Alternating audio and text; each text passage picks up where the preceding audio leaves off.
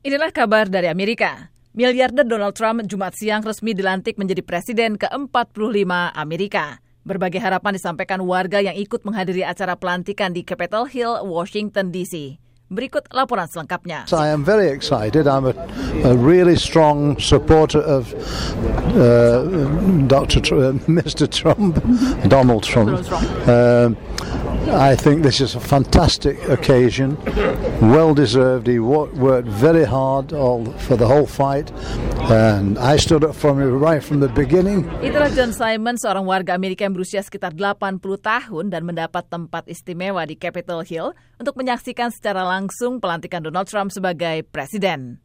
John Simon yang ditemani istrinya mengatakan telah memberi dukungan pada Trump sejak ia pertama kali mengumumkan kesiapannya bertarung sebagai calon presiden Amerika pada Juni 2015. Uh, I am a total believer he is going to do great things. Uh, he's already started so well, and let's just hope he's going to continue. Hal senada disampaikan Ming Kennedy, warga Amerika keturunan Tiongkok yang baru pertama kali berkesempatan menyaksikan secara langsung pelantikan Presiden Amerika. Um, I've never attended an inauguration before, so I want to see what it's like, and you know, like everyone says, it's such an historical moment, and um, you know, when you have opportunity to experience a, a historical moment, why not? Ming adalah salah seorang penyandang difabel yang juga menjadi salah satu kelompok yang berada di baris terdepan dalam pelantikan di tengah hujan rintik-rintik ini.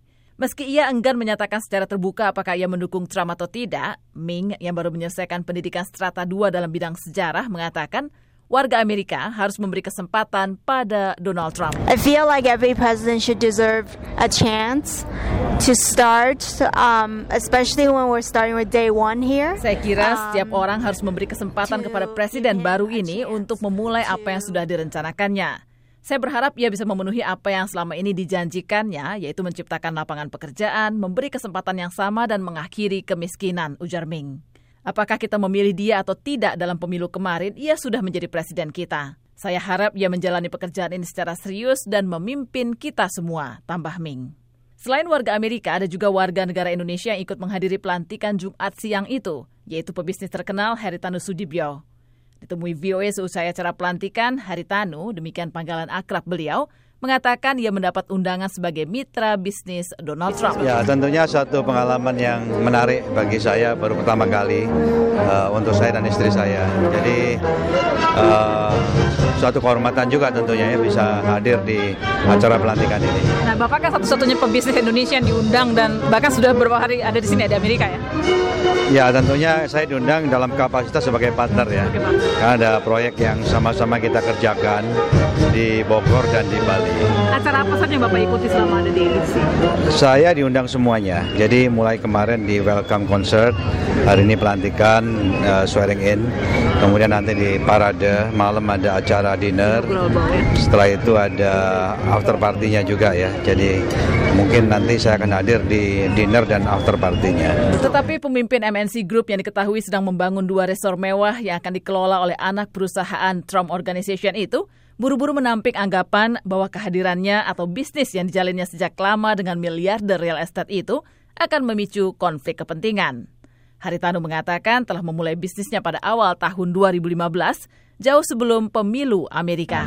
Saya rasa tidak ya, karena kerjasama ini kan sudah terjadi sebelum beliau bahkan memutuskan untuk mencalonkan diri sebagai presiden. Haritanu juga berharap Indonesia bisa lebih menjalin kerjasama dengan Amerika untuk mengejar ketertinggalannya.